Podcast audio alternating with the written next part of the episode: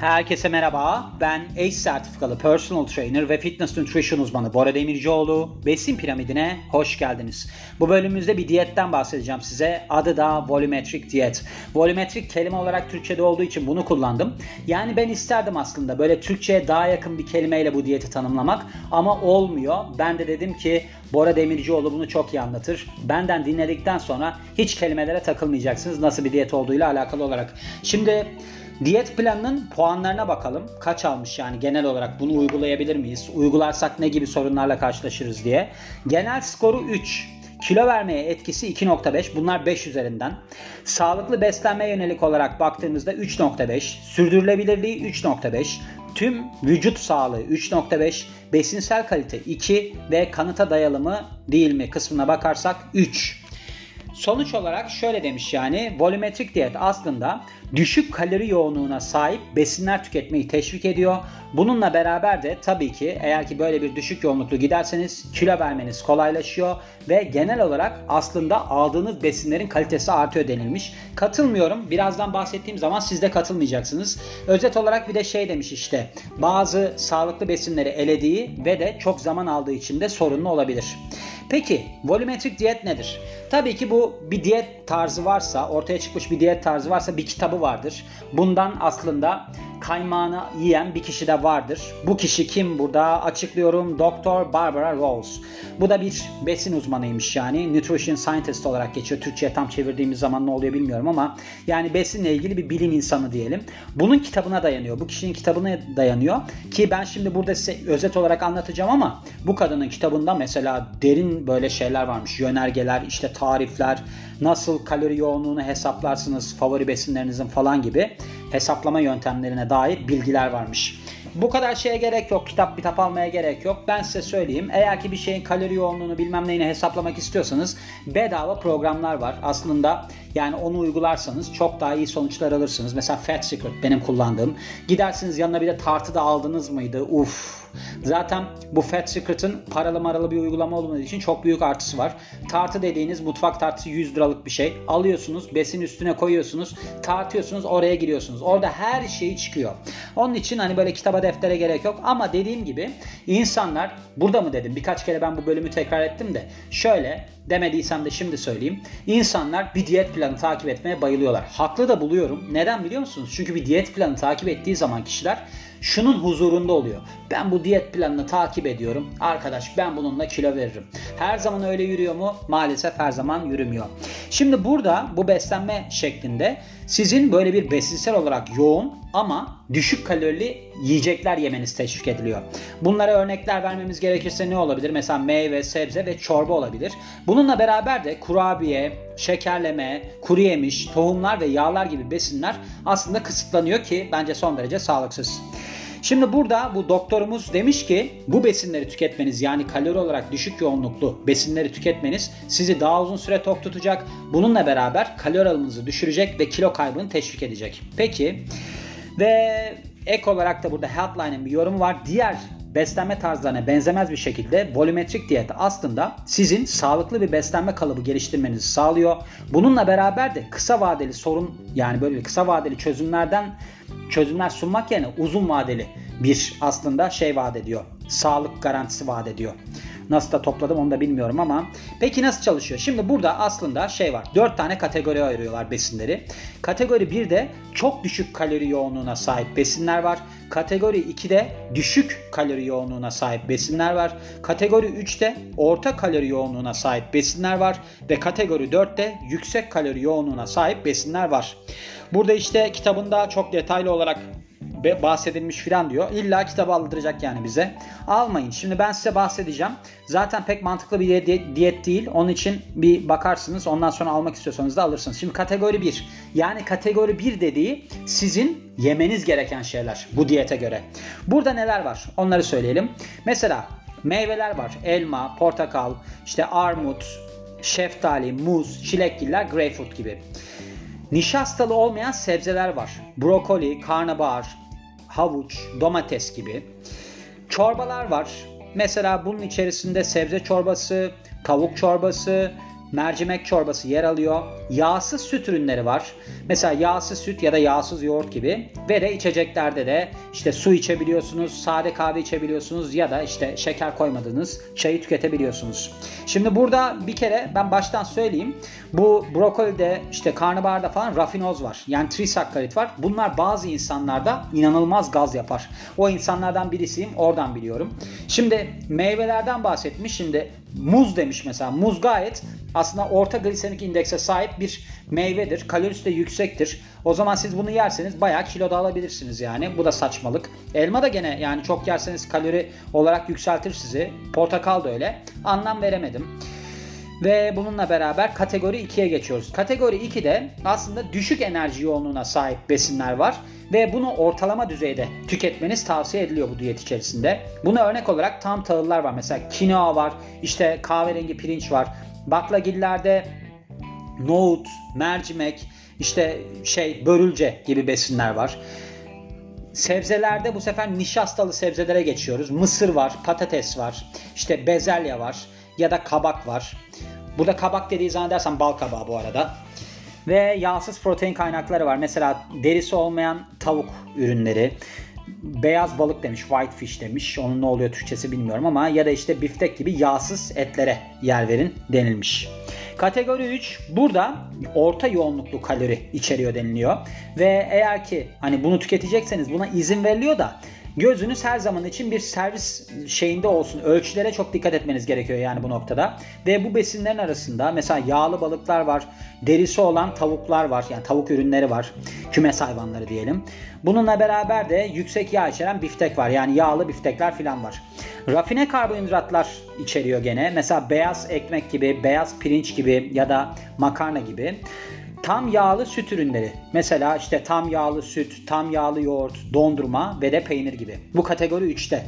Yani orta yoğunluklu deniliyor. Kategori 4'e geliyoruz. Bu yüksek yoğunluklu besinleri içeriyor ve bunlar servis başına çok yüksek kalori içerdikleri için çok nadiren tüketilmesi gerekiyor diyor. Bunlara örnek olarak kuru yemişler. Mesela badem, ceviz, işte bu şey var ya nedir adı? Antep fıstığı onlar. Tohumlar işte chia tohumu, susam tohumu, flaxseed neydi bu? Ket, neydi? Keten tohumu. Yağlar, tereyağı, işte bitkisel yağlar, zeytinyağı, margarin gibi şeyler. İşlenmiş ürünler bunlara ne örnek verilebilir işte? Mesela bu nedir? Kurabiyeler, hızlı fast foodlar, cipsler ve krakerler. Bunlar da buna örnek verilebilecek besinler. Şimdi gördüğünüz gibi burada aslında ben bunları tek tek ayırmam gerekirse birinci kategoride söylediği şeyler evet yani hani yağsız süt, yağsız yoğurt falan yiyebilirsiniz de hani bununla beraber kalori yoğunluğu düşük olarak hani demin de bahsettim muz falan öyle kalori yoğunluğu düşük meyveler değil. Kategori 2'ye geliyoruz. Or, yani düşük yoğunluklu. O çok düşük yoğunlukluydu. Bunlar düşük yoğunluklu. Mesela kinoadan bahsetmiş işte kahverengi pirinçten bahsetmiş. Baklagillerde mercimekten bahsetmiş. Nohuttan bahsetmiş. Bakın bunlar mesela baktığınızda evet sağlıklı. Sağlıklı mı? Sağlıklı. Patatesten işte mısırdan filan bahsetmiş. Şimdi burada ayırırsak çok fazla şeye yol açabilecek nokta var. Şimdi mesela patates bu Nightshade Vegetables diye Nightshade sebzeleri diye bir bölümden bahsetmiştim size. Mesela bu patateste aslında bağışıklık sistemi hastalıklarıyla alakalı olarak böyle bir durumu artırıcı etki var. Mesela patateste de var, domateste de var. Oradan bakarsak öyle bir sorun çıkarabilir. İşte nohut mesela bu ikinci kategoride nohut vermiş. E nohutun kalorisi yüksek. Şeyin kalorisi yüksek. Mercimeğin kalorisi yüksek. Tamam bunlar sağlıklılar. O ayrı bir şey ama yani kalorileri yüksek. E biz kilo vermek istiyorsak kalori yoğunluğumuzu düşük tutuyoruz da kilo vereceğiz ya. E bunlardan çok yersek bu sefer kilo alırız. Bununla beraber üçüncü kategoriye geliyoruz. Mesela üçüncü kategori orta yoğunluklu deniliyor. Burada yağlı işte et yiyin bilmem ne yiyin diyor. Dördüncü kategoride de bu sefer şeyi elemiş. Mesela işte kuru yemişi elemiş. E, kuru yemişi eliyorsunuz mesela. Şeyi elemiş. Cevizi elemiş. Tamam. Cevizi elediniz. Omega 3. Hani bitkisel kaynak falan ama omega 3 sonuçta yani. Hani baktığımızda doymamış yağlardan oluşan bir şey. E bu gidiyor. Üçüncü kategoride doymuş yağ teşvik ediyor. Yani aslında kolesterolü artırıcı etkisi var. Tamam doymuş yağ teşvik etmesinin bir artısı daha var. Kolesterolden testosteron da sentezleniyor. Yani onun öncüsü olarak söyleyebiliriz kolesterolü. Bununla beraber bir de kolesterolden D vitamini de sentezleniyor. Tamam anladım bunu ama şimdi bunların yerleri yani o kadar keskin şekilde değiştirilmiş ki insanlar gidip de dördüncü kategoriyi tamamen elerse mesela burada ne var? işte şeyi eliyor mesela bademi eliyor. Badem çok iyi potasyum kaynağıdır bir kere. İşte başka neleri eliyor? İşte mesela zeytinyağını eliyor. Yani zeytinyağını elediği zaman gene zaten sorun çıkacaktır. Omega 9. Yani monodoymamış yağ eliyoruz. İşte bununla beraber yani baktığımızda izin verilen orta düzeyde kategori 3'e gelirsek e işte yani ortalamada izin verdiği mesela beyaz ekmeğe izin veriyor. Yani o zaman ona da izin verme değil mi? Kategori olarak bakarsak son derece sorunlu. Onu söylemem gerekebilir. Ve burada genel olarak şöyle şeylerden bahsediyor. Mesela bu diyeti eğer ki takip ediyorsanız şöyle demiş. Bununla beraber spor da yapmanız gerekebilir demiş. Yani gerekebilir derken tavsiye edilen bu. Ve de diyor ki 30-60 dakika arasında günlük olarak fiziksel aktivite uygulamanız gerekiyor. Neden? Çünkü sizin enerji harcamanız böylece artacak ve kilo vermeniz, yağ yakamanız kolaylaşacak. Yani bu hani 30-60 dakikalık egzersiz baya bir spor. E şimdi insanlar bunu yapmasa da böyle bir şeyden dolayı kilo verebilirler. Bir de burada benim anlayamadığım kısım Demiş ki ortalama olarak 1400 kalori alırsınız. Eğer ki bu diyeti takip ederseniz 1400 kalori alırsınız. Şimdi 1400 kalori tamam düşük bir kalori ama insanların yapısı nasıl? Bu kadın mı bu erkek mi? Mesela erkeklerde 1800 kalorinin altına inilmez. Kadınlarda 1200 kalorinin altına inilmez aslında. Yani organların fonksiyonunun desteklenmesi için. E şimdi burada böyle yaptığınızda o zaman 1400 tamam kadınlar için düşük olabilir ama kime göre bu diyet? Onun için yani burada çok belirsiz durumlar var. Şimdi burada demiş ki mesela düşük kalori almayı teşvik eder. E tamam düşük kalori yani böyle bir özellikle olarak seçtiğimizde tabii ki kilo vermeyi kolaylaştıracak. Kaloriyi düşük aldığımız için. Burada şöyle deniliyor. Şimdi 13 tane çalışmanın bir toplam analizi yapılmış. 3628 insan üzerinde ki bunlar kilo vermeyi eğer ki düşük kalorili beslenirlerse sağlamışlar. Bununla beraber de 50 bin kadın üzerinde 8 yıllık bir araştırma yapılmış. Yüksek kalorili beslenmek kilo alımına teşvik etmiş. E bunlarda yani bu araştırma yapılmaya gerek var mı bununla alakalı? Ya bu ne kadar saçma bir şey değil mi? Kaloriyi fazla alırsanız kilo alırsınız net. Kaloriyi az alırsanız kilo verirsiniz. E bu da net. Yani bazısında tabii ki bu şimdi uzun süreli mi yapıldı, ne kadar zaman yapıldı onları da söylemiyor. Ama birdenbire kilo vermek doğru bir şey değildir yani. Çünkü birdenbire kilo verirseniz yağ dokunuz gidecek, leptin salgılanmayacak, metabolizma hızınız düşecek sonra daha fazla da yağlanabilirsiniz. Hatta ilk bölümde ben ondan bahsettim. Ve bununla beraber de işte siz eğer ki düşük kalori yoğunluğuna sahip besinler tercih ederseniz iştahınız azalır ve açlık krizlerine girmeniz engellenir denilmiş. 12 haftalık bir çalışma var 96 kadın üzerinde yapılan. Bunlarda aşırı derecede kilo varmış ve obezite varmış. Eğer ki demiş bu kadınlar öğünlerinde daha düşük kalori yoğunluğuna sahip hani bunun birinci sınıfındaki besinleri alırlarsa bu tokluk hissi artmış ve açlıkları azalmış. Bir tane de eski bir çalışma varmış 39 kadın üzerinde yapılan. Bunlarda %56 daha fazla kalori tüketmişler. Eğer ki bir kişi hani şey yaparsa daha yüksek porsiyon alırsa. Yani şunu demek istiyor aslında burada. Eğer ki siz diyelim ki böyle kocaman bir brokoli yediniz. Ne oldu onu yediğiniz zaman? O zaman işte kalori alımınız düşüyor ya. İşte onu söylüyor. Yani bunu yediniz bir tane de kurabiye yediniz. Bunu söylüyor. Ama bu böyle bir şey değil. Yani eğer ki siz bir şey çok büyük bir şey yediniz işte mideniz doldu filan. Ama bir de psikolojik durumu var onun. Şimdi midenin içerisinde stretch receptors denilen bir şey var. Yani esneme reseptörleri. Midenizi doldurursanız evet o beyne sinyal verir ben doldum diye. Ama dikkat edin ağır yaşamları filan izliyorsanız oradaki insanların hiçbirisi mesela mide ameliyatı oluyor. Adam kusarak gene yemek yiyor o tatmini sağlamaz. Yani ben brokoli yiyeceğim. Hiç canım bir şey istemiyor. O rahatsızlık hissi verir insana. Yani sürekli bir şişsiniz, bir acayip midenizde ağrı var. Onun için bu doğru bir yaklaşım değil. Bununla beraber hani sporu teşvik ediyor ya. Şimdi bu tarz besinlerle beslenmek ne kadar çok yerseniz o kadar kötüleştirir sizi. Gastrointestinal strese yol açar. Gastrointestinal stres ne?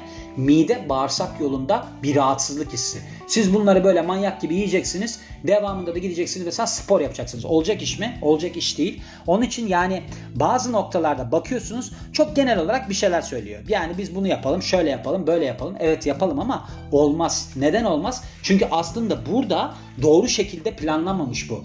Yani bunu bölüm bölüm ayırarak gene çok sağlıklı bir beslenme planı uygulayabilirsiniz. Ama insanlara bunu takip et, bu sağlıklı demek bana çok yanlış geliyor. Mesela bu diyetin içerisinde yer alan şeyler koymuş doymuş yağ 3. kategoriye, doymamış yağ mono ya da poli doymamış yağ koymuş 4. kategoriye. Neymiş? Kalori yoğunluğu fazlaymış. E sen onu ona göre planlayacaksın. Ona göre insanlara vereceksin. O zaman doğru bir beslenme şekli olur. İnsanları liften patlat. Hatta ülkemizde şimdi ismini vermek istemiyorum. Çok para kazanan bir kendince beslenme uzmanı birisi var. Öyle bir röportajını okumuştum ben. Deli gibi karnabahar yediriyormuş insanlara. Yani karnabahar yedirdikten sonra insanlar kalkıp da nasıl sonuç alacaklar? Yani şöyle bir sonuç almaktan bahsediyorum. Uzun vadede bu sonuç vermez. Neden? Çünkü siz diyelim ki karnabahar yiyorsunuz. Deli gibi lif alıyorsunuz.